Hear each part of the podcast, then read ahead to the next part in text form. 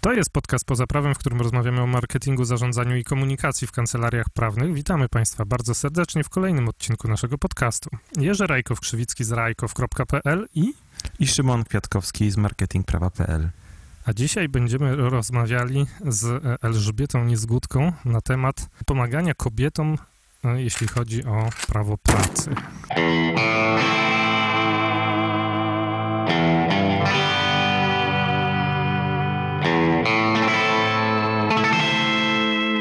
Tak, naszym gościem jest y, Elżbieta Niezgódka, która jak sama o sobie mówi ma dwie twarze. Y, Ela jest y, adwokatką, prowadzi swoją praktykę zawodową i pomaga kobietom w trudnych rozmowach z pracodawcą, a ta druga twarz to jest twarz społecznikowska, ponieważ Elżbieta jest inicjatorką, takiej akcji, która się nazywa akcji, czy, czy projektu, który się nazywa Women Law Labor Matters. Dzień dobry, witamy w podcaście. Dzień dobry, witam Was bardzo, witam również słuchaczy. Tak, ja jestem adwokatką de facto o dwóch twarzach i tą pierwszą moją twarzą jest działalność adwokacka, czyli działalność zawodowa. No i na co dzień pomagam kobietom w trudnych starciach z pracodawcą.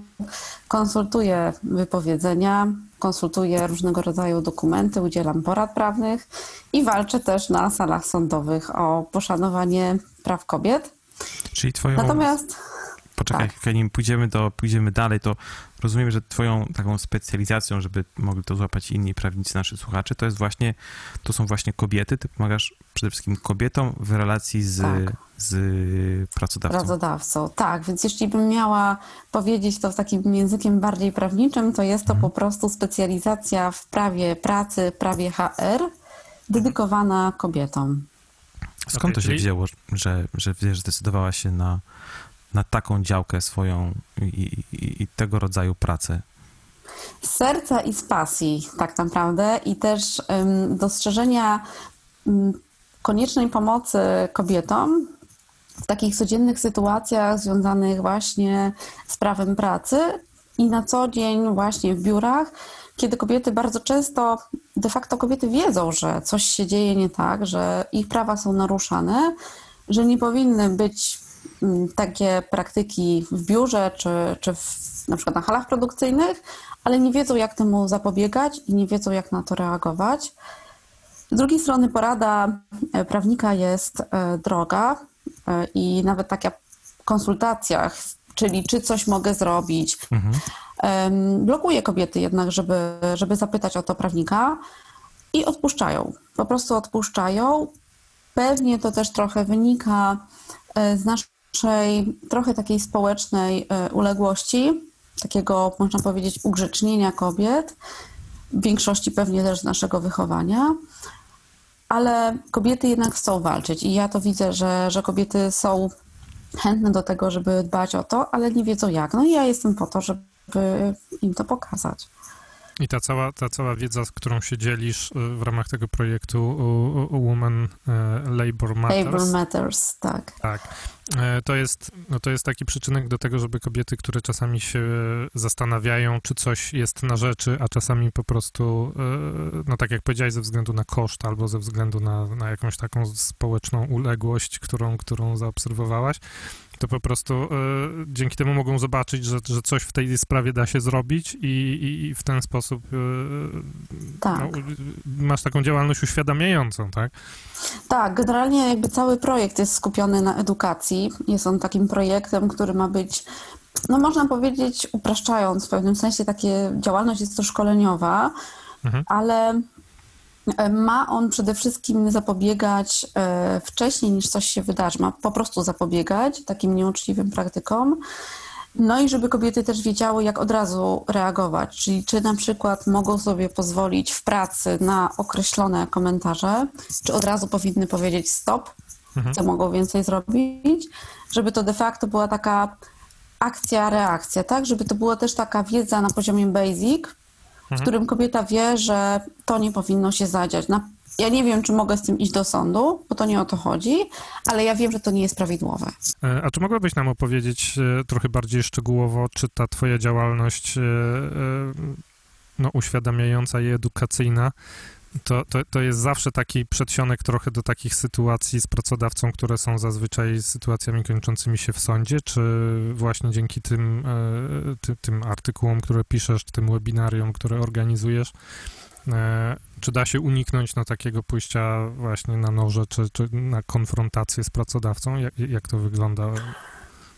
Znaczy dla mnie w ogóle pójście na noże z pracodawcą to jest druga faza, z którą proponuję kobietom i staram się zazwyczaj, żeby jednak kobiety szły na rozmowę z pracodawcą, a nie na drogę sądową, bo widzę też, że w takich e, sytuacjach mocno mm, wrażliwych, trudnych, czyli mobbingowych czy dyskryminacyjnych, pracodawcy też nie chcą, żeby te sprawy lądowały w sądach, nie chcą, żeby też po firmach e, roznosiła się informacja, że taka sytuacja miała miejsce w przypadku choć, chociażby mobbingu.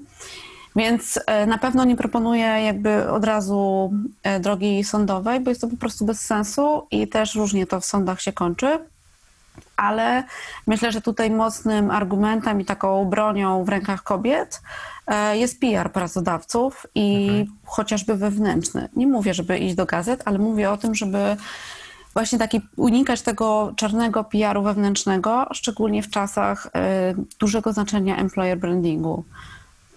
Ja się zastanawiam, czy to nie powinno, czy to, czy nie lepiej byłoby, oprócz tego, że wspierasz kobiety, to żebyś edukowała samych pracodawców, wiesz, żeby to było z tej trochę drugiej strony, a może to jest jakaś część takiej twojej pracy, o której po prostu ja nie wiem, że ona się też, też dzieje. Bo wyobrażam sobie, że y, wsparcie kobiet y, oczywiście jest kluczowe, jest, jest, jest bardzo ważne, ale może więcej dla kobiet i dla samych pracowników, no bo ten mobbing najczęściej dotyczy kobiet, ale pewnie nie tylko, y, czy może mieć różne, różne postaci to może dla lepszego efektu y, jedną z, części, jedną z części Twojej działalności powinno być wsparcie samych pracodawców. E, Jasne, że tak. I też podczas webinarów, jak i mamy kolejne e, spotkanie, właśnie mam w jednej z firm, e, w której jest organizowane spotkanie dla kobiet. I ponieważ ta firma jakby dba o to, żeby kobiety y, też właśnie znały swoje prawa i żeby się razem spotykały. No i właśnie mamy organizowane takie spotkanie, na które zostałam zaproszona jako gość specjalny. No i będę właśnie mówić na temat tego, jak dbać o swoje prawa w pracy, ale to to szkolenie jest skierowane właśnie nie tylko dla kobiet, które mogą być ofiarami różnych nieuczciwych praktyk, ale również dla kobiet, które te praktyki po prostu ym, mogą, y, mogą wykonywać. Więc jak najbardziej pracodawcy tak. Dwa, jeszcze podczas webinarów też mieliśmy webinar y, dotyczący zwolnień. Również tutaj zwracałam uwagę HR biznes partnerom, jak też na przykład nie narazić się na zarzut, nie wiem, straszenia chociażby pracownika czy dyscyplinarką, czy, czy jakimś wypowiedzeniem. Więc jak najbardziej te moje y, szkolenia są dedykowane pracodawcom w takim znaczeniu kobietom, które zajmują stanowiska od strony pracodawcy. Mhm. Dosyć często w tym, co mówisz, mówisz, że, że, że, mm, że adresujesz swoje działania do kobiet, zarówno do kobiet zatrudnionych w firmach, jak i do kobiet, tak jak teraz powiedziałeś, w działach HR, które nie chciałyby w jakiś tam sposób, nawet niechcący, popełnić jakichś błędów, które mogą je Tak. później kosztować na przykład właśnie reputację employer brandingową pracodawcy. Czy, y, y, czy ty tylko i wyłącznie adresujesz swoje działania do kobiet? Czy jeżeli ja bym przyszedł z problemem mobbingowym, to jako faceta byś mnie odesłała do kogoś innego? Znaczy, szczególnie mi jest blisko y, do kobiet i jakby tutaj jest y, część mojego, mojego serca i, i tak to po prostu czuję, ale jakby też współpracuję jak najbardziej y, z mężczyznami na, na co dzień i nie dyskryminuję sama, ucząc o dyskryminacji. Super. To byłaby dyskryminacja pozytywna, wiesz? No, Y, więc, okej. więc jak najbardziej tak. Czy, czy mogłabyś powiedzieć więcej trochę o samym, o samym Women Labor Matters i, y, i w sumie nie tyle o samym programie, bo chyba myślę, że my łapiemy i nasi y, słuchacze też będą wiedzieli o co chodzi. Natomiast mnie interesuje, jaka jest twoja historia, dlaczego ten pomysł powstał, skąd on się wziął, skąd ten pierwiastek społecznikowski w tobie? Gdybyś mogła powiedzieć o historii samego programu i o historii tego, jak ty się w nim y, znalazłaś, no i dlaczego. Dlaczego ja się znalazłam? Ja przede wszystkim zaczynałam swoją działalność w ogóle w biznesie, no bo byłam na początku in-house'em i pracowałam dla, e, dla spółki i tam też miałam bardzo wiele zapytań, takich trochę z życia prywatnego, ale trochę zawodowego e, kobiet albo ich rodzin. No, utrzymywałam po prostu relacje koleżeńskie z innymi pracownikami, no i gdzieś tam powoli one też zaczęły przychodzić do mnie i pytać o różne sprawy. Oczywiście nie bezpośrednio je dotyczące, bo tego, e, tego robić nie mogłam, natomiast e, bardziej chodziło o takie, jakieś takie porady e, na co dzień. Potem przeszłam i to była moja właśnie teraz ostatnia praca, no to to jest kancelaria PCS, w której byłam, numer jeden na rynku, jeśli chodzi o mm, prawo, prawo HR. Wcześniej byłam też w tej kancelarii, która właśnie przeszła, e, przeszła rozstanie, to jest Raczkowski Paruch. No i przeszłam właśnie ze, ze Sławkiem Paruchem do, do jego kancelarii. I w zasadzie zaczęłam myśleć już em, powoli o tym, żeby założyć swoją działalność i żeby wspierać e, kobiety, żeby trochę jakby zejść z takiego poziomu prawnika korporacyjnego i prawnika, który obsługuje głównie firmy, bo jednak mena- m, sprawy menedżerskich było znacznie mniej, na to, żeby po prostu pomagać, e, pomagać bezpośrednio pracownikom i pomagać e, kobietom. Czyli chodziło o to, żeby, żeby być bliżej ludzi, a nie bliżej podmiotów zatrudniających ludzi.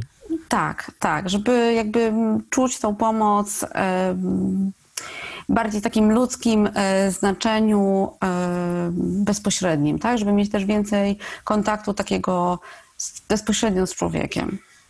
Czy ten pierwiastek społecznikowski zawsze był w tobie mocny, czy dopiero teraz y, przy okazji zmian y, różnych prac i pracodawców odnalazłeś w sobie tą, to powołanie? Czy to już było tak, że, że wcześniej mm, widziałaś w sobie to powołanie?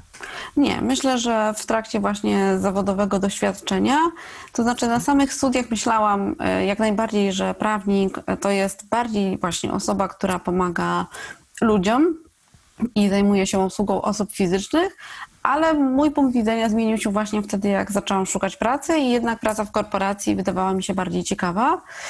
Ale po jakimś czasie wróciłam z powrotem do tych założeń, że jednak tak naprawdę kwintesencją pracy prawnika jest jednak em, pomaganie ludziom bezpośrednio i życie ich problemami. Okej, tutaj mogę dopytać się więcej ciebie i zapytać, co spowodowało tę zmianę? Co, co było tym, mm, tym pstryczkiem, który spowodował tę zmianę? Też chciałam trochę e, odpocząć i ten okres e, pracy takiej bardzo, e, bardzo intensywnej, korporacyjnej spowodował, że chciałam się zająć działalnością taką edukacyjną, też trochę taką lżejszą, powiedzmy, pracą, opartą bardziej na rozmowach, na komunikacji, na zadawaniu pytań. E, Więc to, to też pewnie był jeden z głównych, e, z głównych czynników, dla których zdecydowałam się na prowadzenie własnej działalności, w której ja będę decydować tak naprawdę, e, z kim chcę, z kim chcę rozmawiać, z kim chcę współpracować i mam też więcej czasu na, na rozmowę z, z kobietami niż na skupianiu się na projektach, które są już w toku. Okej, okej. A powiedz mi, czy z tych wszystkich, no jak gdyby, typów spraw dotyczących prawa pracy i dotyczących kobiet i, i jakichś tam problemów związanych z prawem pracy, y, y, które do ciebie trafiają, czyli jak rozumiem, no to co mogą być jakieś właśnie kwestie kwestie umów o pracę, kwestie e, mobbingu, o którym powiedziałaś, kwestie pewnie urlopów macierzyńskich i, i powrotów z tych urlopów macierzyńskich. Które z tych tematów wydają ci się naj, na, najbardziej potrzebne do, do wyprostowania w Polsce? O, Myślę, że wbrew pozorom sporo jest takich małych spraw, e, o których w ogóle się nie mówi, że większych spraw e, mobbingowych czy molestowania seksualnego, takich dużych, czy w których zaangażowane są większe zespoły, jest mniej. Bo jednak do mnie na przykład częściej trafiają sprawy dotyczące zwolnień i takich pytań e, dla prawnika wydawałoby się oczywistych, spójrz proszę na wypowiedzenie i zobacz, e, czy ja coś z tym mogę zrobić, albo czy ono jest prawidłowe, bo ja nie mam o tym pojęcia, no bo jestem na przykład e, menadżerem IT i pierwszy raz tak naprawdę mam do czynienia z jakimkolwiek językiem prawnym. Więc to są takie sprawy. Natomiast jeśli bym miała mówić o mobbingu, to mobbing, pytanie o jakim mobbingu mówimy. Bo ten mobbing takiej z definicji, oczywiście jest nim trudniej i trudno jest go wykazać, ale tych zachowań takich pojedynczych, e, które stresują pracowników i które moim zdaniem przekraczają tą granicę e, pracy i, te, i mm, de facto kierownictwa pracodawcy, e, jest bardzo dużo, bo bardzo często ludzie się mnie właśnie pytają, czy na przykład zlecanie komuś pracy o godzinie 15 w piątek z deadline'em na poniedziałek rano, gdzie praca wymaga zazwyczaj 12 albo 8 godzin, jest już mobbingiem czy nie.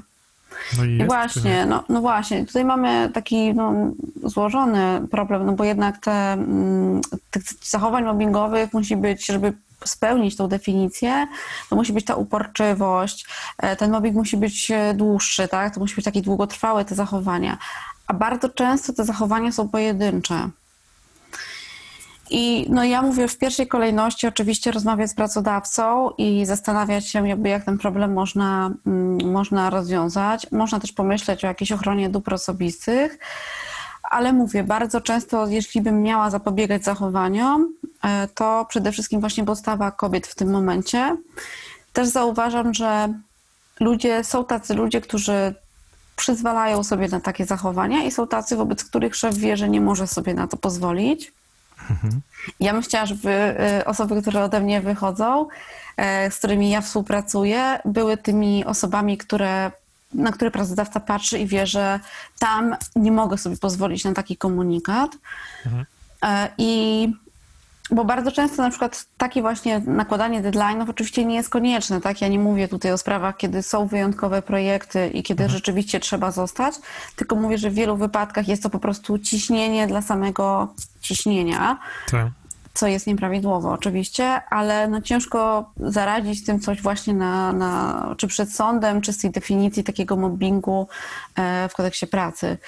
E, Bardziej są to właśnie takie miękkie metody. Myślę, że tutaj bardzo przydałby się jakiś coach też, czy psycholog, który by mógł też powiedzieć, jak od strony takiej psychologicznej sobie z tym e, poradzić. Tak, coach by się przydał.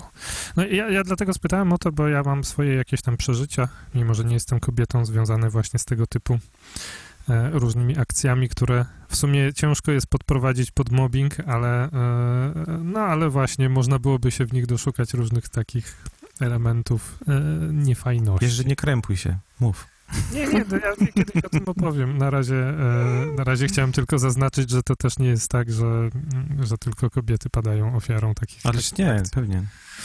Oczywiście, że nie i myślę, że też bardzo często jakby w, w rozmowach, w dyskusjach, również na LinkedInie przejawia się też głos mężczyzn, którzy mówią, że mężczyźni wbrew pozorom, ich zdaniem, równie często jak kobiety są ofiarami różnego rodzaju nieuczciwych praktyk, tylko że świadomość i taki nacisk na mężczyzn bycia macho nie pozwala im na to reagować, bo społeczeństwo uważa, że mężczyzna, który zgłasza jakieś nieprawidłowości, jest po prostu słaby i mężczyźni boją się zgłaszać jakichkolwiek złych praktyk wobec siebie, tylko twardo po prostu walczą z nimi wewnętrznie. Tak? I Tak. jakby cały, em, cały brud tych spraw trzymają wewnętrznie w sobie i nie pokazują tego na zewnątrz, bo są Znaczy- macho i muszą być twardzi. A czy mogłabyś przybliżyć te sprawy właśnie, które y, dotyczą mężczyzn? Jakie, jakiego rodzaju to są, to, to, to są sprawy?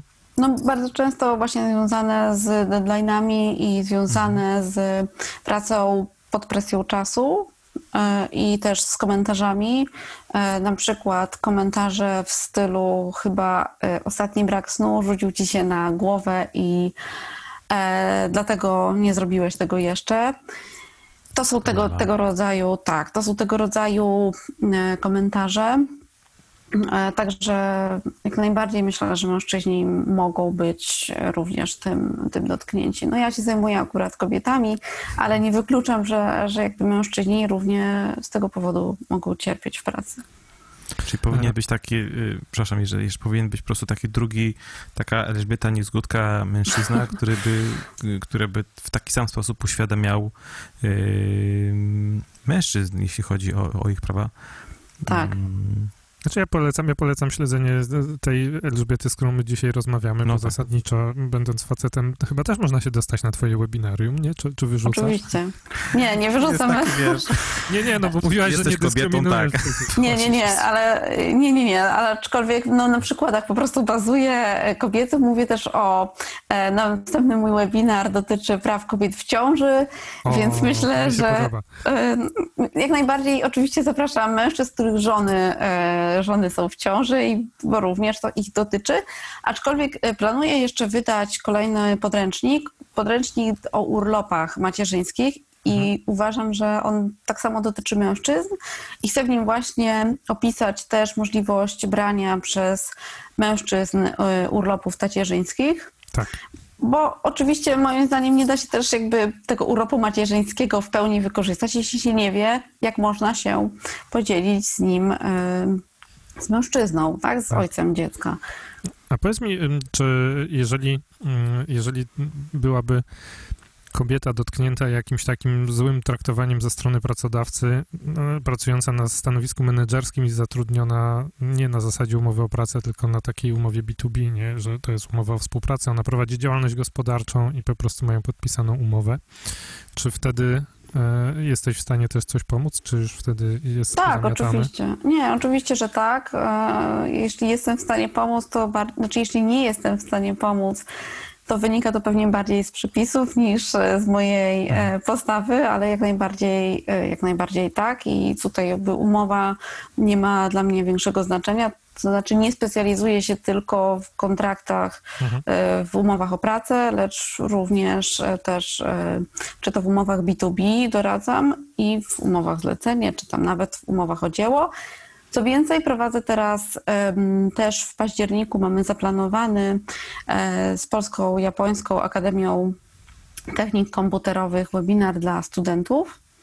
I będę właśnie mówiła o tym, jaką umowę należy podpisać, idąc na staż, czy idąc na praktyki.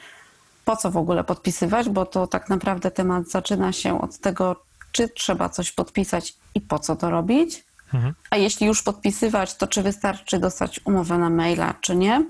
Czy trzeba ją wydrukować i podpisać? Bo generalnie e, tak naprawdę dla osób z branży IT, no to te problemy e, prawne dotyczą właśnie kwestii praktyk czy, czy tam stażu i one zaczynają się od początku. No i mamy taki właśnie zaplanowany webinar, szkolenie e, dla studentów. Więc jak Zapraszamy, najbardziej tak. zapraszamy. zapraszamy. Tak. W notatkach do tego podcastu będzie, będzie link, gdzie należy się zgłosić. Natomiast ty powiedziałeś, że, że, jakieś, e, że, że planujesz też wydanie e, podręcznika o urlopach macierzyńskich.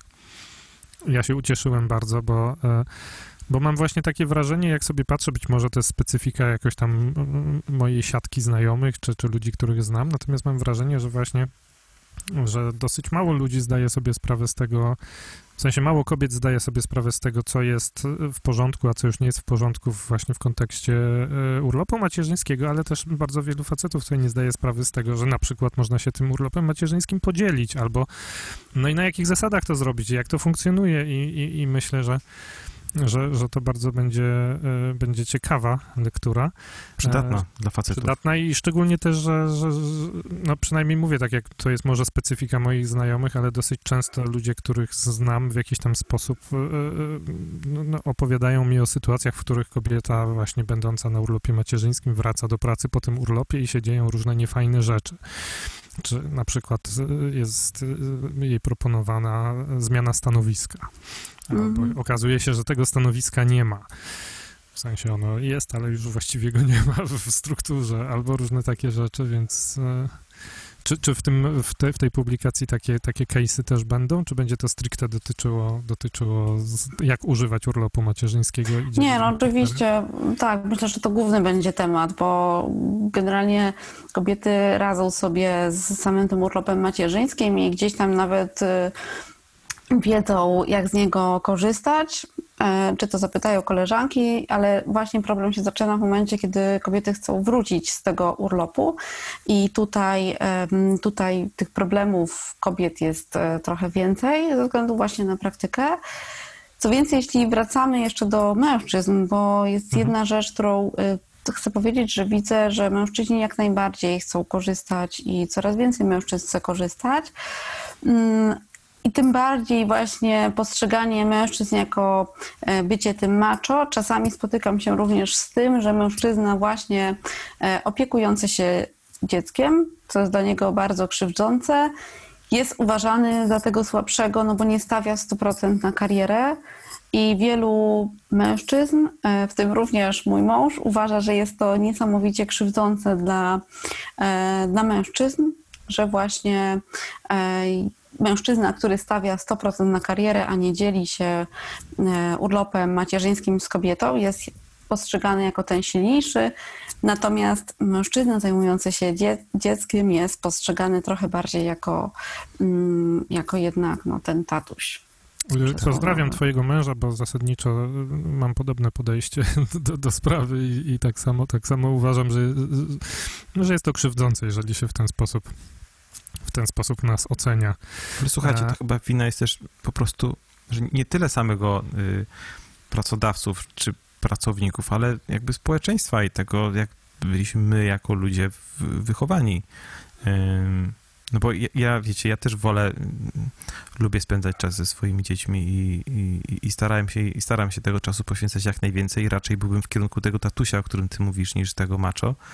Ym, ale wiecie, bez problemu dostrzegam tę tą, tą, tę jakąś presję społeczną dotyczącą tego, żeby, że mężczyzna równa się kariera, a żona równa się dom. Yy, Przy czym to po prostu wynika, mam wrażenie, mm, z jakichś stereotypów społecznych, w których żyjemy. Czy, czy, czy? Ja, ja po- poszedłbym o krok dalej, bo ja zaz- zazwyczaj mam takie do, do, dosyć zaznaczone opinie. Ja mam wrażenie, że to jest specyfika polska. Nie. Znaczy, No. no. może tak, mówię nie, ale nie znam innej specyfiki. W sensie takim, znaczy ja, ja pół życia mieszkałem gdzie indziej, więc może dlatego trochę patrzę na Polskę, jakbym nie był Polakiem i przepraszam wszystkich prawdziwych Polaków za to, co teraz powiem, natomiast Masz czerwoną koszulkę, wiesz, dobrze. mam czerwoną, bo lubię czerwony kolor. Natomiast chodzi mi o to, że e, no ja nie zauważyłem tego problemu we Francji na przykład, nie? W sensie takim, że e, no, że tam fakt, że, że, że, że mężczyzna ma ochotę spędzić więcej czasu z, z rodziną, albo że, że właśnie chce kawałek e, urlopu macierzyńskiego wykorzystać na opiekę nad dzieckiem, e, to, to jest spoko, tak? To, to jest, to, to, nikt o tym nie dyskutuje. I, e, I myślę sobie też, że, e, że o ile, znaczy, że powiedziałem, że to jest specyfika polska, bo mam wrażenie, że w Polsce po prostu jest to akceptowane, że jak facet siedzi po 16 godzin w pracy, to się mówi o tak, bo on bardzo dba o swoją rodzinę i, i Tak. dlatego siedzi 16 godzin, bo on robi dobre rzeczy i tutaj nie wskazujcie mu przypadkiem, że on robi coś źle. E, Ty powiedziałeś, Szymon, o presji społecznej. Ja nie odczuwam presji społecznej, I, i, I wcale nie uważam, że, że bycie tatusiem takim, jakim ja lubię być, czy jakim Szymon lubi być, jest nie- niemęskie, czy nie macho, czy coś tam.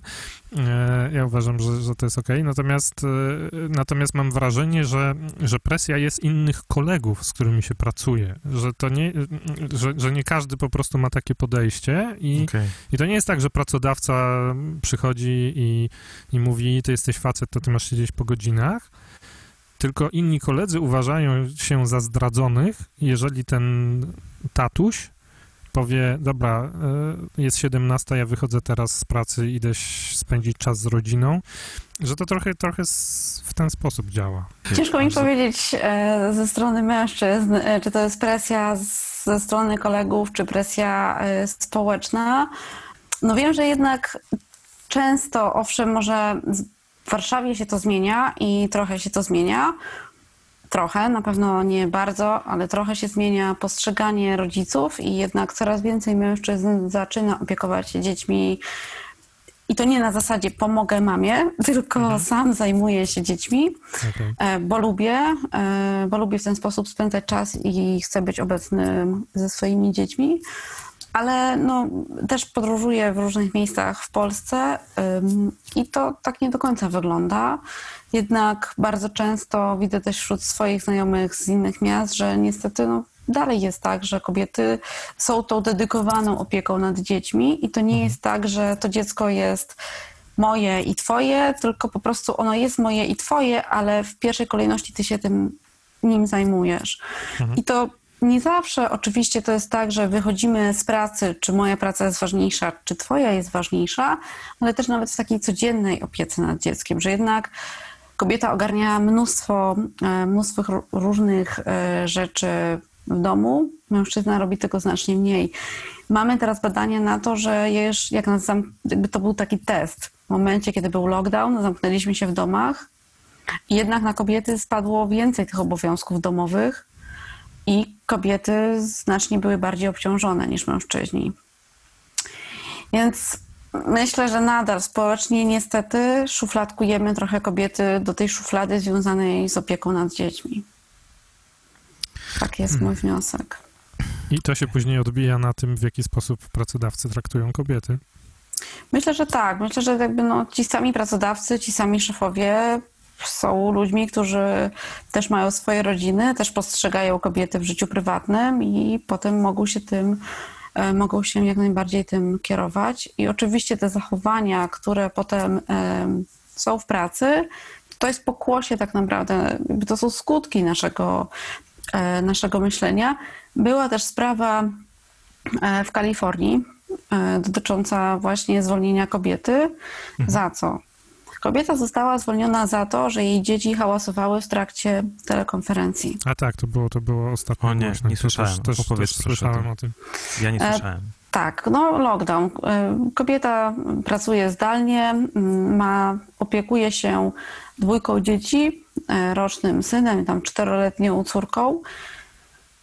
No i musi to robić w ciągu dnia, tak? Ponieważ nie ma, nie ma opieki jakiejś innej zewnętrznej, e, więc opiekuje się tymi dziećmi, jednocześnie pracując. No i te dzieci hałasowały w czasie telekonferencji e, podczas rozmów z klientami. No i szef jej zwrócił uwagę, że to jest nieprofesjonalne. Ale ona, co jest bardzo istotne, dotrzymała wszystkich terminów. Też pracowała, zasuwała po nocach, po wieczorami kończyła projekty. No i wszystko e, o dziwo wykonane. Dziewczyna dotrzymała wszystkich terminów i została zwolniona. Oficjalna była przyczyna tego taka, że tam bodajże była likwidacja e, stanowiska pracy, czy tam sytuacja związana o, z COVID-em, czyli spadek finansowy, nie mogło jej dalej zatrudniać. No i ona idzie do sądu, bo tak naprawdę wie, że przyczyną zwolnienia były te hałasy i to, że szefa denerwowało to, że ona właśnie z tymi dziećmi pracuje. Prosiła go o to, szefa swojego, żeby ustawiał jej telekonferencje z klientami w czasie, kiedy to mniejsze dziecko śpi. Mhm. I tak on ustawiał wtedy, kiedy ona akurat go karmiła, albo kiedy kładła go do drzemki, gdzie, jak wiemy, są to najbardziej krytyczne momenty na to, żeby odbierać telefony. Zobaczymy, jak to się skończy, jakby które z nich ma rację i czy, czy rzeczywiście tak było, ale jakby to są przykłady na to, w jaki sposób postrzegane, e, postrzegane są kobiety i że akurat trafiło to na kobietę. No, bardzo jestem ciekawa, czy rzeczywiście e, takie same konsekwencje byłyby wyciągane w stosunku do ojca zajmującego się, zajmującego się dziec- dzieckiem. No, nie jestem w stanie tego określić. Śmiem twierdzić, że byłoby trochę inaczej, bo zostałoby to potraktowane jako taki, no taki, takie śmieszne wydarzenie przy okazji tego, że tatuś i tak się zajmował dziećmi, nie? No właśnie, być może mógłby być określony nawet jako ten zorganizowany, ten sprytny, ten, który jest no multitasking, tak? No bo jest jednocześnie ojcem, pracownikiem i, i w ogóle wow. A jednak kobieta, no to też jest jakby jedna rzecz, którą czytam i słyszę w różnych badaniach, że jednak mamy takie postrzeganie kobiet, jakby jak sobie damy na ekran kobietę w trakcie tej telekonferencji z dzieckiem i mężczyznę w trakcie telekonferencji z dzieckiem, no to widzimy zaradnego super e, pracownika, tego mężczyznę i widzimy kobietę z pieluchami, z krzyczącymi dziećmi, co nam się kojarzy z niekompetencją. I trochę mniej patrzymy nawet na tych tatusiów, którzy wychodzą, jako tych niekompetentnych i oni nam się z tymi pieluchami tak bardzo nie kojarzą. Jak kobiety, które zajmują się dziećmi, karmią. Jakoś nam się od razu tak jakby nie łączy nam się to, że ona jednocześnie może być kompetentna, a Mhm. tutaj nie ma żadnego związku. Znaczy to straszna po prostu jeszcze przed nami długa droga kulturowa Tak. taka, żeby, żeby to wszystko sprowadzić na odpowiednie tory, tak, żeby właśnie tego typu skojarzeń nie było i żeby tak samo, e, albo wręcz nawet bardziej oc- oceniać kobietę, która, która w takiej sytuacji zostanie pokazana jako tą kompetentną, tą właśnie dobrze zorganizowaną, która sobie radzi i ze swoją rolą e, matki, i ze swoją rolą pracownika. Ciężka sprawa, no. Mega, mega ciężka, wiesz, i to musi, niesamowita musi być y, jakaś y, praca y, w naszych, y, w głowach każdego z nas, żeby, żeby, kładł sobie filtr na to, co ogląda, albo żeby patrzył z boku na, na właśnie takie sytuacje, o których Ela powiedziała, bo to jest jakby trochę siłą rzeczy się ten, ten wizerunek jakoś w podświadomości się uruchamia.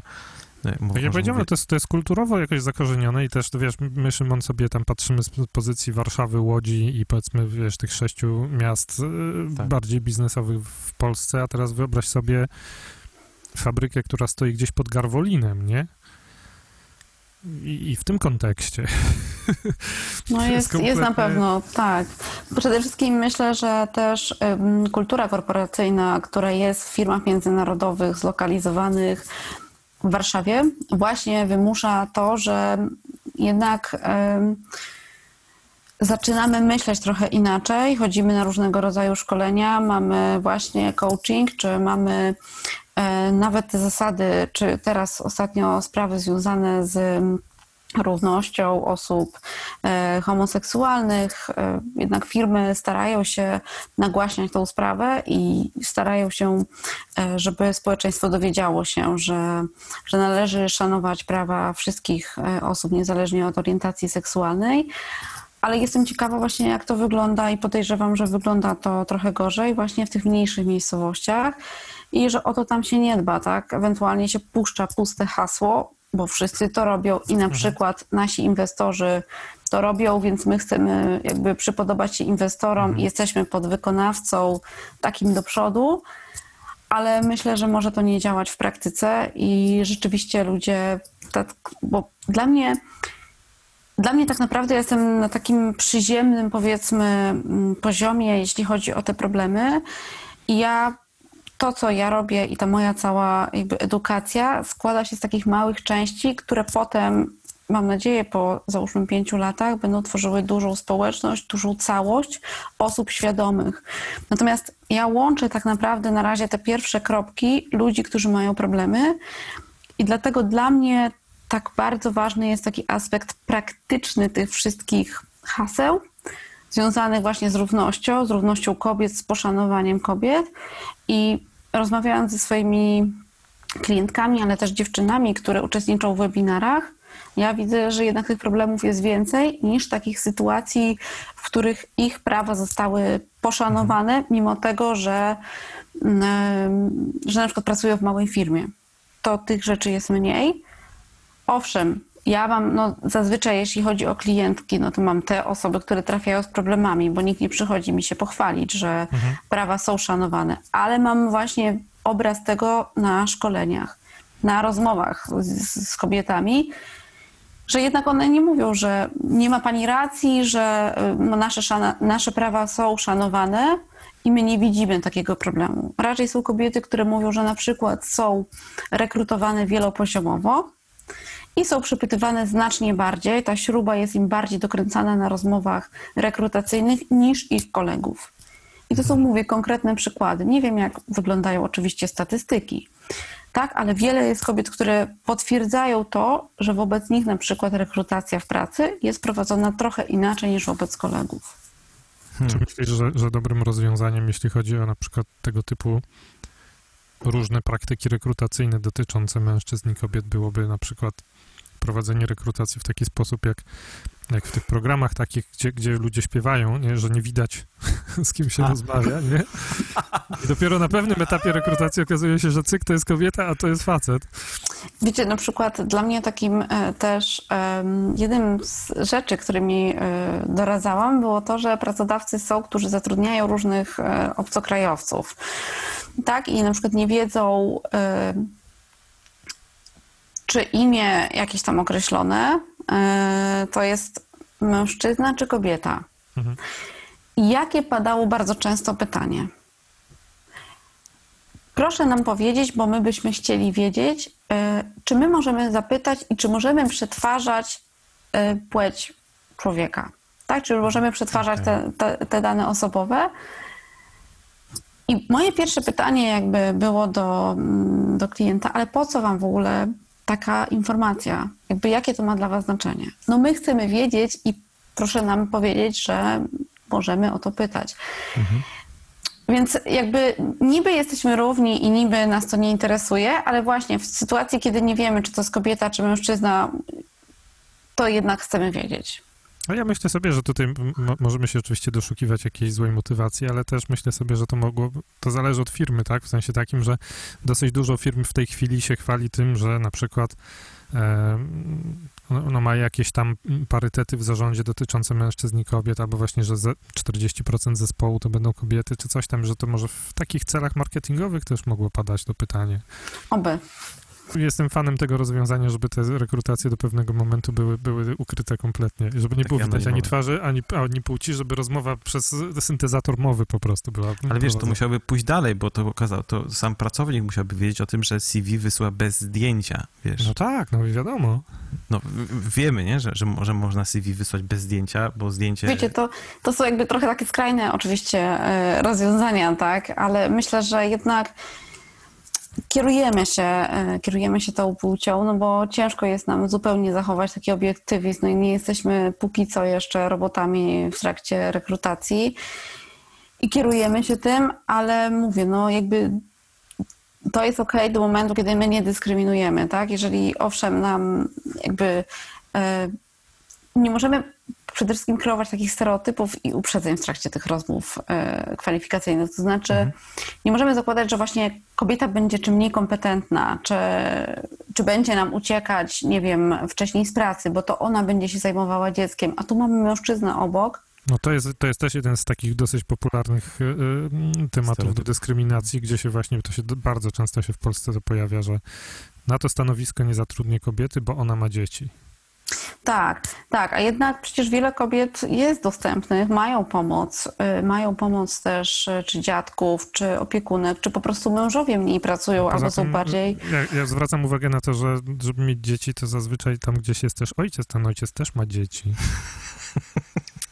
No właśnie, E, więc jakby te, też nawet jeśli chodzi, no bo wiadomo, nie można jakby powiedzieć, że rodzice, którzy mają dzieci są, są w pełni dyspozycyjni zawsze, tak? No jednak te wyjścia wcześniejsze nam się zdarzają, e, co jest normalne, ale też budujemy społeczeństwo z drugiej No strony i właśnie. pracodawca też ma taką funkcję, prawda, społeczną, żeby mm, de facto, no bo jest nawet w prawie pracy taka funkcja, taka mm, odpowiedzialności też e, tego pracodawcy za tych pracowników, więc miejmy też w głowie to, że my jednak pracujemy wszyscy razem na społeczeństwo, więc kobiety, które i mężczyźni, pamiętajmy o nich, wychowują dzieci, ten pracodawca, który po prostu podejdzie do tego zdroworozsądkowo, przyczynia się do tego, że właśnie ludzie chcą mieć dzieci, bo to jest inny pro problem. Oczywiście wchodzimy tu w politykę, ale moim zdaniem i tego, co ja widzę po swoich em, klientkach, czy też osobach, z którymi rozmawiam, że kobiety decydują się, jakby łatwiej jest im podejmować decyzję o posiadaniu dzieci, jeśli warunki w pracy pozwalają im na to. No To nie jest kwestia pieniędzy, bo w większości jednak, przynajmniej osoby te, z którymi ja rozmawiam, ich stać na posiadanie dzieci. Mhm. Tak, natomiast nie decydują się na to ze względu na właśnie, że boją się, że nie, że, że nie będą w stanie dalej pracować w miejscu, w którym są, albo na takim wysokim stanowisku. Mhm.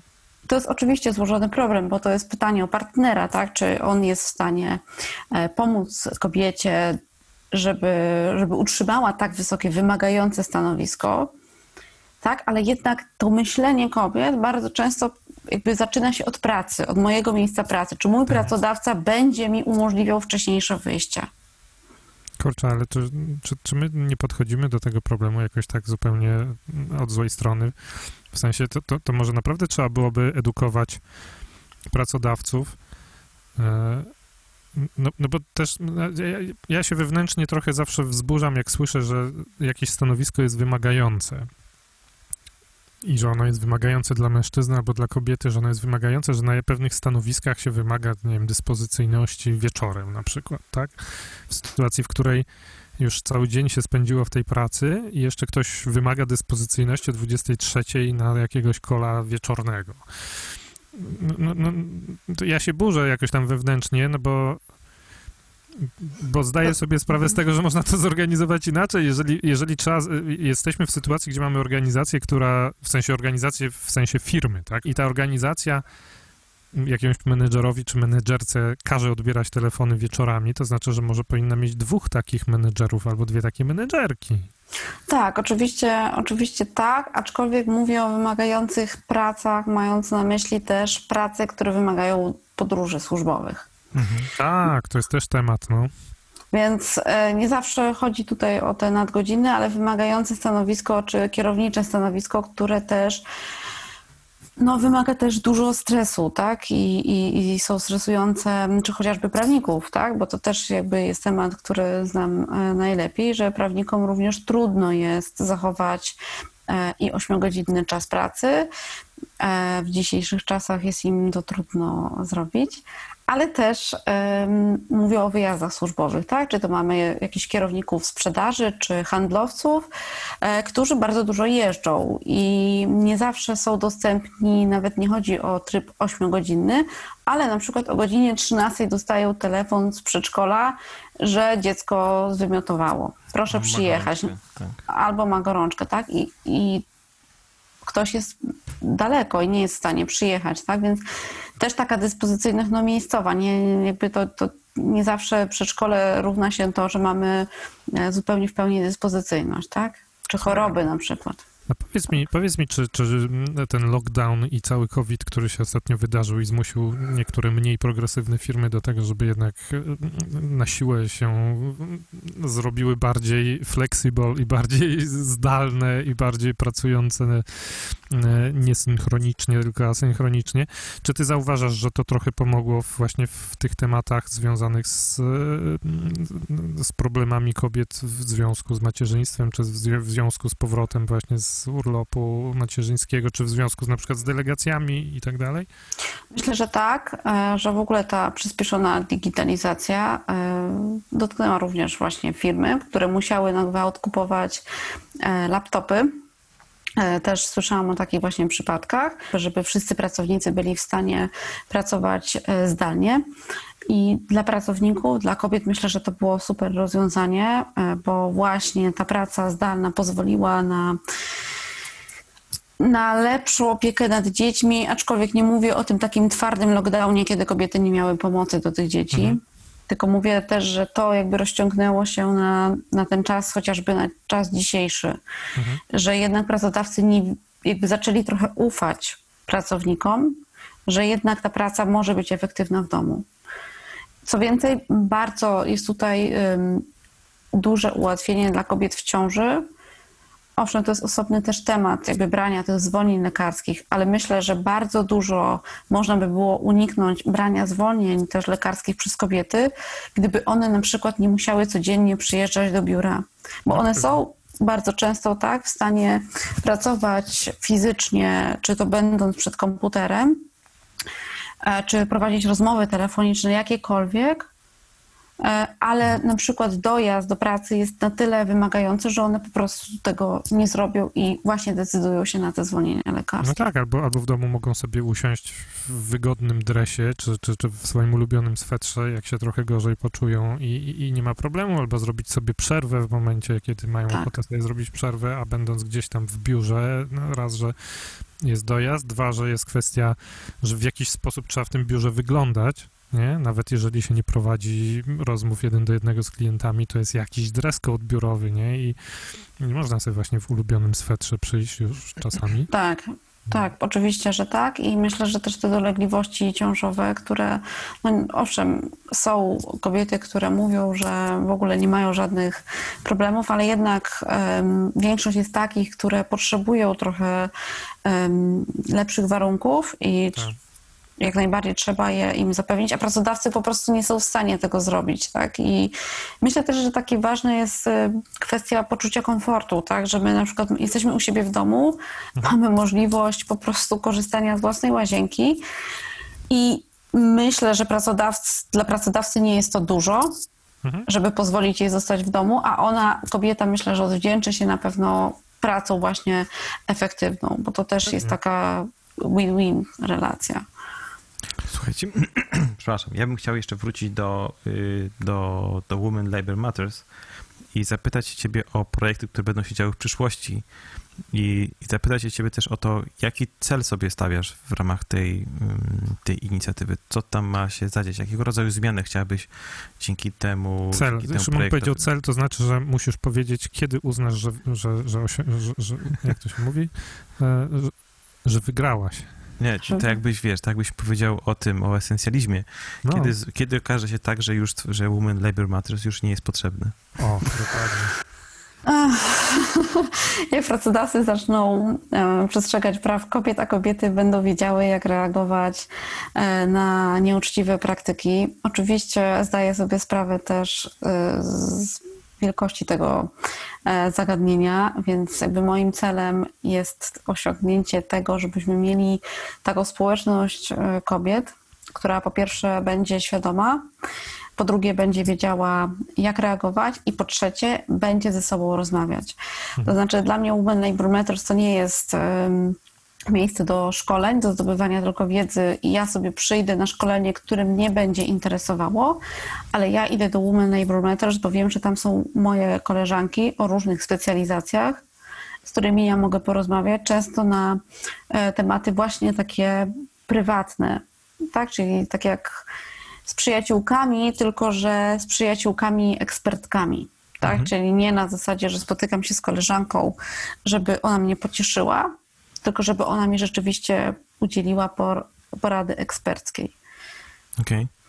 Więc to, to jest od tego. Poza tym zależy mi też właśnie na różnorodności też branż. Nie chcę się skupiać jakby tylko na branży, e, na, na, na jednej branży, czy to na korporacyjnych nawet firmach, ale też chcę mieć w gronie i mam takie kobiety z branży na przykład produkcyjnych, które właśnie są e, pracownikami mm, pracującymi naprawdę bardzo blisko mężczyzn i czy to na budowach właśnie, tak, czy to kierownik budowy, bo to jest inne też zagadnienie właśnie mobbingowe, bo są też prawnicy, którzy mówią, że nie ma albo że prawie w ogóle nie ma e, na przykład mobbingu pionowego, tak? czyli że, że w tej relacji na niższych stanowiskach, że pracownik na niższym stanowisku mobbinguje tego, który jest na wyższym. Aha. Ale wyobraźmy sobie taką sytuację, kiedy wchodzi na budowę młoda dziewczyna. Mhm. Tak, i ma przed sobą 30 czy 40 mężczyzn, którzy siebie znają od 15-20 lat i będą jej robili szkołę życia. I są takie sytuacje, e, właśnie gdzie kobiety muszą sobie z tym poradzić. No i wchodzimy już tutaj w te relacje mobbingowe i szczególnie też na tym, na tym mi bardzo zależy, tak, żebyśmy wyszli poza tą strefę taką biurową, ale weszlibyśmy właśnie w tą branżę również produkcyjną i kobiety, które zmagają się naprawdę na co dzień z takimi nie, niedozwolonymi praktykami ze strony mężczyzn. Starałem sobie wyobrazić tę ten, tę sytuację, którą opisałaś. Myślę sobie, że takie kobiety, y, a rozumiem, że z takimi się spotkałaś, to muszą być bardzo silne y, jednostki, bardzo silne, bardzo silne osoby, żeby sobie radzić z takimi sytuacjami. No, przede wszystkim muszą wiedzą, wiedzieć jak, bo tak jak mówi się o kobietach, że kobiety są jak e, torebka herbaty, że nie wiedzą jakie są silne, dopóki nie wejdą do gorącej wody. I coś w tym jest, rzeczywiście. To znaczy, kobieta, kiedy się znajdzie właśnie w takiej trudnej sytuacji i wie, jak reagować, to ona sobie z nią poradzi. To będzie tytuł naszego odcinka. Muszę to, Tak. od, od, ten, ten Kobiety są jak torebka. Od herbaty, tak. To, to mi się podoba. E, Bo, bo to tak jest, że tak naprawdę stajemy się mocni, jak, jak jesteśmy przygotowani merytorycznie. Jesteśmy słabi, kiedy my nie wiemy, jak się zachować. I można być pewnie. najsilniejszym psychicznie, ale jeśli nie wiemy jak i nie wiemy, czy my coś możemy zrobić, to nie chcemy się narażać, tak? I no, no poza tym to też jest takie, tak naprawdę e, zaczyna się wchodzić w pyskówkę bez argumentów. Mhm. Tak, a to mi nie o to chodzi. Mi chodzi o to, żeby kobiety reagowały wtedy, kiedy, mm, żeby były przygotowane przede wszystkim merytorycznie, żeby to była twarda wiedza merytoryczna i żeby one e, mądrze reagowały na, na nieuczciwe praktyki. To powiedz jeszcze o najbliższych projektach, jakie masz w ramach, y, y, w ramach Women Labour Matters. Najbliższy projekt jest e, planowany na 19 sierpnia. E, Mamy To już, webi- to już, to za pięć dni. Tak pięć jest. dni. E, Tak jest, więc e, jak najbardziej zapraszam słuchaczy i słuchaczki, może inaczej, słuchaczki i słuchaczy e, na webinar Poznam moje prawa w ciąży, dedykowany właśnie przyszłym mamom, ale też kobietom, które już będą w przyszłości planować dzieci. Będziemy właśnie mówić o prawach w ciąży, o tym, kiedy powiedzieć pracodawcy, że, że się spodziewamy mm, dziecka, jak przygotować się też do rozmowy z pracodawcą, jaka jest ochrona na, w czasie ciąży, tak, czyli e, co się stanie, jak pracodawca nam e, złoży wypowiedzenie w tym czasie. To to jest taki jeden, e, jeden projekt. Mm, Drugi to jest właśnie planowanie wydania podręcznika o urlopach i o tych praktykach pracodawców związanych z urlopami macierzyńskimi. To jest kolejna rzecz. Jesienią, czyli ten październik, listopad, planuję zająć się tematem mobbingu, w dalszej kolejności dyskryminacji. Na pewno chcę zrobić ankietę, która będzie właśnie oceniała to, czy kobiety spotkały się z mobbingiem, jak one widzą sytuacje mobbingowe w pracy. I chcę potem omówić tą ankietę e, z, ze słuchaczkami na, podczas webinaru. I na razie to tyle, więc myślę, że tak zamkniemy e, pierwszy rok działalności. To, to ankiety o mobbingu mi też możesz przysłać. Chętnie. Okej. Bardzo się cieszę. Słuchaj, powiedz mi, jak można ci pomóc, bo, bo jest, to- ta organizacja jest społecznikowska, to jest coś, y, taki stan, który po, wymaga wsparcia, więc powiedz, jeżeli ktoś chciałby się zaangażować i ci pomóc, to w jaki sposób może to zrobić? Przede wszystkim myślę, e, żeby zapraszam też osoby, które są ekspertami e, z zakresu właśnie psychologii e, czy coachy, którzy mogliby się wypowiedzieć swoim doświadczeniem na temat, na temat właśnie kobiet na rynku pracy. Dwa, zapraszam same kobiety, które chcą się podzielić doświadczeniem od strony właśnie pracodawców. Być może są też kobiety, które były przez na przykład zarządy e, sugerowano im takie, takie praktyki nieuczciwe, z którymi one same się nie zgadzały. To było, będzie ciekawe wymiana doświadczeń, żeby pokazać, jak w takiej sytuacji reagować, czy postawić na swoje, e, na swoje przekonania, czy też może na kulturę korporacyjną. Także myślę, że przede wszystkim to i branża też właśnie produkcyjna, branża męska. E, Jak najbardziej bym chciała porozmawiać z kobietami, które e, są w tych branżach i które spotykają się na co dzień, po prostu w swoim środowisku mają przewagę mężczyzn i jak one się tam czują. Także tak, to myślę, że to jest dla mnie największa pomoc, to jest właśnie doświadczenie innych osób, które by chciały poprowadzić ze mną rozmowę czy ze mną e, webinar i podzielić się takim e, doświadczeniem. Zapraszamy w takim razie do wspierania inicjatywy Women Labour Matters. E, Ja, ja jeszcze miałbym dwa pytania, o ile ty, Szymon, jakieś nie masz. Chciałbym cię jeszcze na, na, koniec poprosić o, o krótką, darmową poradę prawną. Możemy się tak umówić? Oczywiście. Czy ta, ta kobieta menedżer, która jest na umowie B2B i która po urlopie macierzyńskim widzi, że jakieś dziwne rzeczy się dzieją z jej stanowiskiem pracy, tak w jednym zdaniu, ja wiem, że to tak się nie da, ale sp- spróbuj przynajmniej za, zasygnalizować, co powinna twoim zdaniem zrobić. No zastanowiłabym się przede wszystkim, czy jakby czym sugeruje się ten pracodawca, tak? Czy on się sugeruje tylko tym, że ona jakby jest matką, tak? Czy rzeczywiście są jakieś przesłanki do tego, żeby rzeczywiście zmienić jej to stanowisko? Więc od tego bym, e, od tego bym zaczęła, tak? Czy rzeczywiście tutaj nie mamy mowy z jakąś dyskryminacją? Okej. tak? Czy, czy rzeczywiście są przesłanki do tego, żeby zmieniać stanowisko? No bo dlaczego? Dlaczego jakby miałabym? Bo Rozumiem, jakby ta sprawa jest gdzieś w toku, tak? Nie, wie- znaczy wiesz co, dlaczego zapytałem o to, bo to jest sytuacja, którą dosyć często wokół mnie widzę, w, w, wśród moich znajomych. Po prostu, Y, y, że to jest taki, znaczy ja tam powiedziałem o B2B na samym początku, żeby było trudniej, nie? No bo jak jest prawo pracy, jak jest umowa o pracę, to trochę bardziej to jest wszystko kodeksowo uregulowane. Więc tu po prostu się wysiliłem, żeby było trudniej, ale, Mhm. ale, ale to jest coś takiego, co ja widzę dosyć często, że kobiety właśnie wracając z urlopu macierzyńskiego mm, albo się okazuje, że, że, że właśnie ich stanowiska nie ma, albo się okazuje, że ich stanowisko się właśnie robi mniej kluczowe, że kiedyś pracowały jako dyrektor sprzedaży na całą Polskę, a właśnie im jest proponowane bycie dyrektorem sprzedaży, czy tam menedżerem sprzedaży, czyli niżej, nie, mm, w strukturze i na kawałek tylko rynku. No i to są takie tematy, które dosyć często mm, ja, ja jestem, e, współpracuję z kancelarią prawną, więc dosyć często ludzie z mojego jak gdyby networku do mnie przychodzą, mówią, słuchaj Jerzy, bo ty pracujesz z prawnikami, to co by prawnicy powiedzieli? I taki właśnie mi case wrzucają, nie? Mhm. dlatego stwierdziłem, że się cię spytam. Znaczy mówię, no tutaj jakby B2B y, samo w sobie ma mniejszą ochronę oczywiście niż umowa o pracę, więc jakby samo zmiana stanowiska, no to tutaj też jest jakby wolność co do tego, co można zlecać, tak? Więc Mhm. ta sytuacja jest o tyle trudniejsza.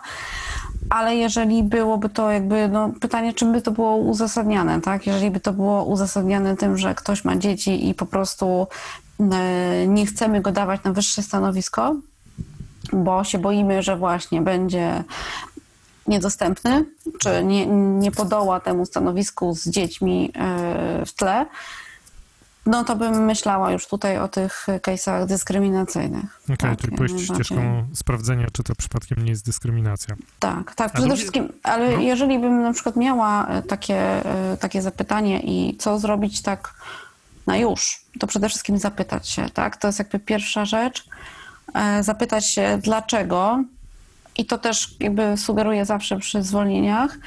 Mimo tego, to co masz wpisane w wypowiedzenie, zawsze zapytaj się, dlaczego mnie zwalniacie e, i zapytaj się, kto podjął decyzję. Okej. Bo często też tak jest, że no jakby inaczej z kim innym rozmawiamy, ktoś inny podejmuje decyzję i też na przykład szefowie, którzy również przeżywają zwalnianie pracownika, co jest również dla nich stresujące, No, mówią o jedno słowo za dużo.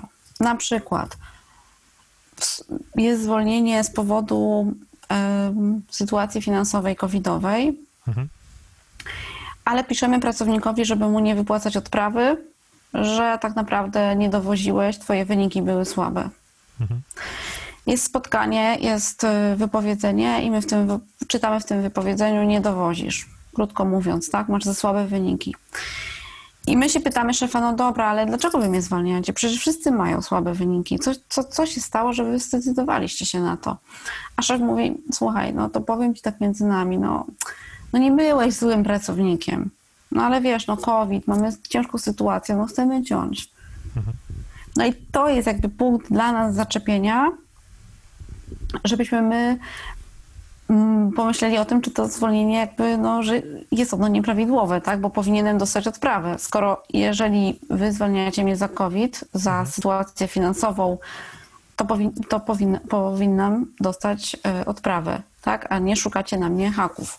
I to nawet w sytuacji, w której nie nagramy takiej rozmowy, tylko po prostu na, pad, pa- padnie taki argument w rozmowie jeden do jednego, tak? No tak, dlatego sugeruję też robić notatki na przykład po takich spotkaniach. Okej. Zrobiłem notatkę, y, zrobiłem notatkę bezpośrednio po spotkaniu, zapisuję sobie dnia takiego i takiego. Rozmawiałem z szefem, który powiedział, że tak naprawdę nie zwalniają mnie za to, że mam słabe wyniki, tylko mają trudną sytuację finansową. Nie byłem złym pracownikiem. Mhm. Często w rozmowach przecież przy zwolnieniach biorą udział 3-4 osoby, Tak. więc są osoby też, które mogą to potwierdzić. Mhm. Dziękuję bardzo za, za, za tę poradę. Bardzo, e, bardzo dużo się z niej dowiedziałem. E, pytanie drugie i ostatnie, które będę miał, chyba że Szymon jeszcze dołączy do tutaj do wykorzystywania e, e, okazji do zadawania różnych pytań prawnych. Natomiast jeszcze jedno Ja idę pytanie. do żony po takie rzeczy, wiesz? Idziesz do żony, a no to. Ach. No więc ja jeszcze miałbym takie pytanie, bo, bo, bo bardzo mi się spodobał tytuł Twojego ostatniego webinarium, czyli 10 wskazówek, chyba to było 10 wskazówek, które mogą wskazywać na to, że, że zostaniesz zwolniona. Jasne. U. Mogłabyś uchylić rąbkę tajemnicy, jakie jest kilka z tych wskazówek, na co zwrócić uwagę? Oczywiście. jakby Pierwsza taka rzecz, klasyka y, przy zwalnianiu, to jest odsuwanie od zadań. Jeśli widzisz na przykład, że cała firma zasuwa, a ty nagle masz pustą skrzynkę, jest cisza, nikt ci nic nie zleca, no to jasna sprawa, no chcą cię zwolnić, no i dlatego nie włączają cię w nowe projekty i nie dają ci też pracy na bieżąco. Powody oczywiście są różne. Jedni się boją tego, że, e, no, że będziesz wynosić coś do konkurencji, więc cię nic nowego nie będą e, wsadzać, ale dwa, że też em, ludzie nie chcą już dawać i współpracować z osobami, które mogą być zwolnione. Mhm.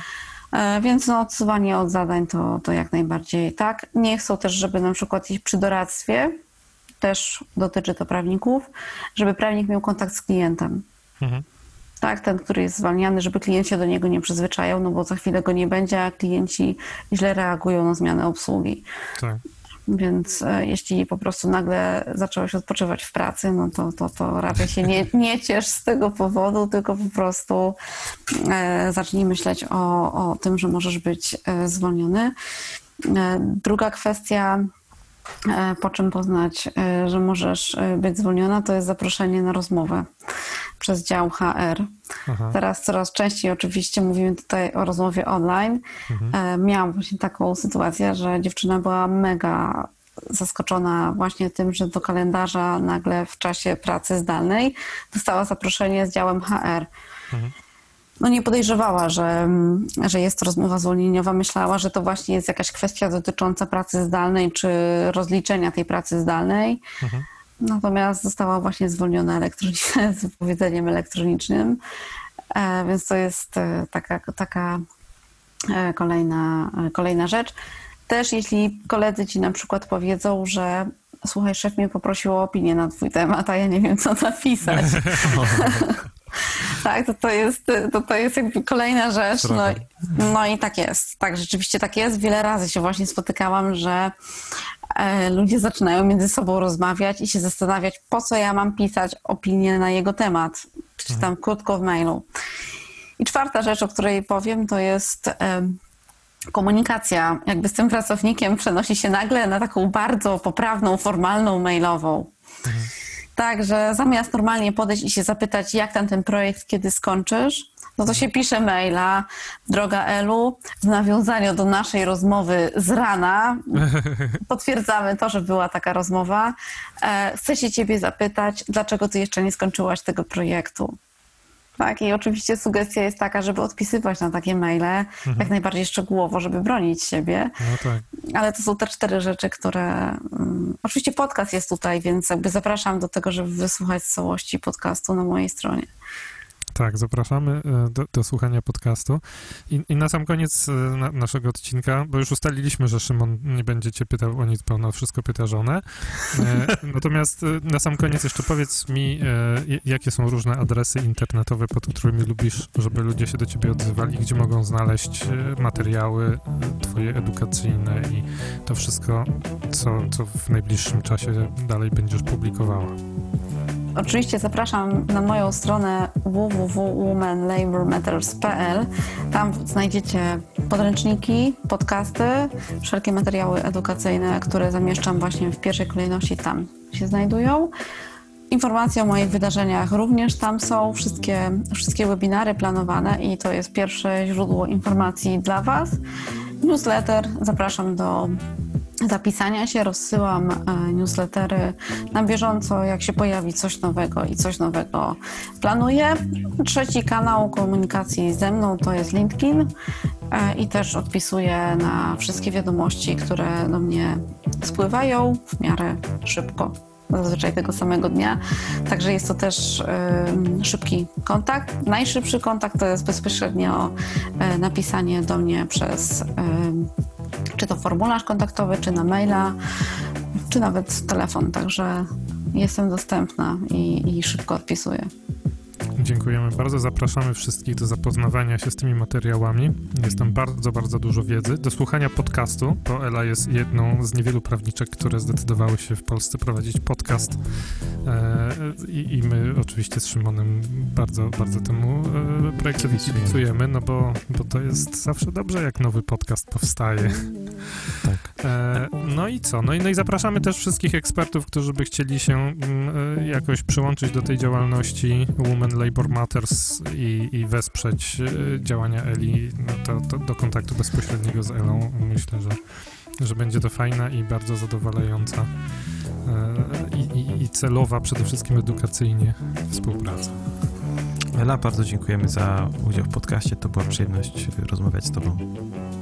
Bardzo Wam dziękuję za zaproszenie i słuchaczom dziękuję za wysłuchanie. Mam nadzieję, że będziemy się jeszcze słyszeć właśnie w trakcie moich podcastów. Do usłyszenia. Dziękujemy bardzo. Dzięki. Naszym gościem była Elżbieta Niezgódka z womenlabormatters.pl.